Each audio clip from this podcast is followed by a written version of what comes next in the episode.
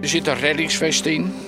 Eh, er zitten mutsen in. Ik haal alles er even uit. Voor sjaal. Allemaal warme kleding.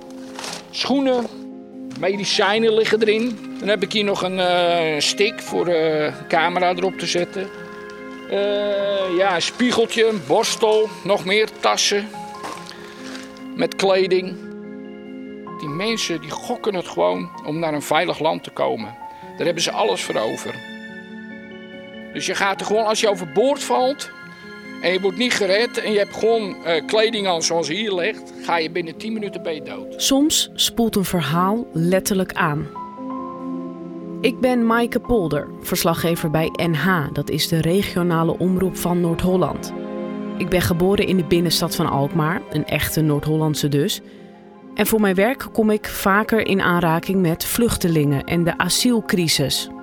West-Friesland, de Noordkop en de regio Alkmaar moeten voor het eind van het jaar nog eens 400 extra asielzoekers opvangen. Oorzaak is de verwachte toestroom van vluchtelingen. Het cruiseschip met duizend asielzoekers dat aangemeerd ligt in Velsen-Noord... moet waarschijnlijk per half april vertrekken. Ze zijn welkom, maar de manier waarop het gegaan is, vinden, ja, dat, dat, dat eh, roept vrevel op. Ruzie over de opvang van vluchtelingen zorgt voor grote onrust in het dorp. Inwoners zijn boos over het politiek besluit om asielzoekers op te vangen in Huis ter Duin. Maar mij raakt het eigenlijk pas echt begin oktober 2022. Op 20 minuutjes fietsen van mijn huis zien strandgangers in de golven van de Noordzee een groene rubberboot drijven. Als die aanspoelt op het strand van Egmond blijken er geen mensen meer op te zitten, maar er liggen nog wel allemaal persoonlijke bezittingen in. Hoe noem je dat? Hoe noem je deze taal? Is dit eh, islamitisch? Nee, eh, Ja, Arabisch of Grieks. Arabisch. Waar kwam de boot vandaan en waar was die op weg naartoe? Wie zaten erop en wat is er met deze mensen gebeurd? Als ze daar gewoond hebben, je hebt die foto van die man. Dat betekent dat ze waarschijnlijk familie daar hebben, kennissen. Er, er moet op een gegeven moment natuurlijk een richting eh, komen. In deze podcast probeer ik daarachter te komen.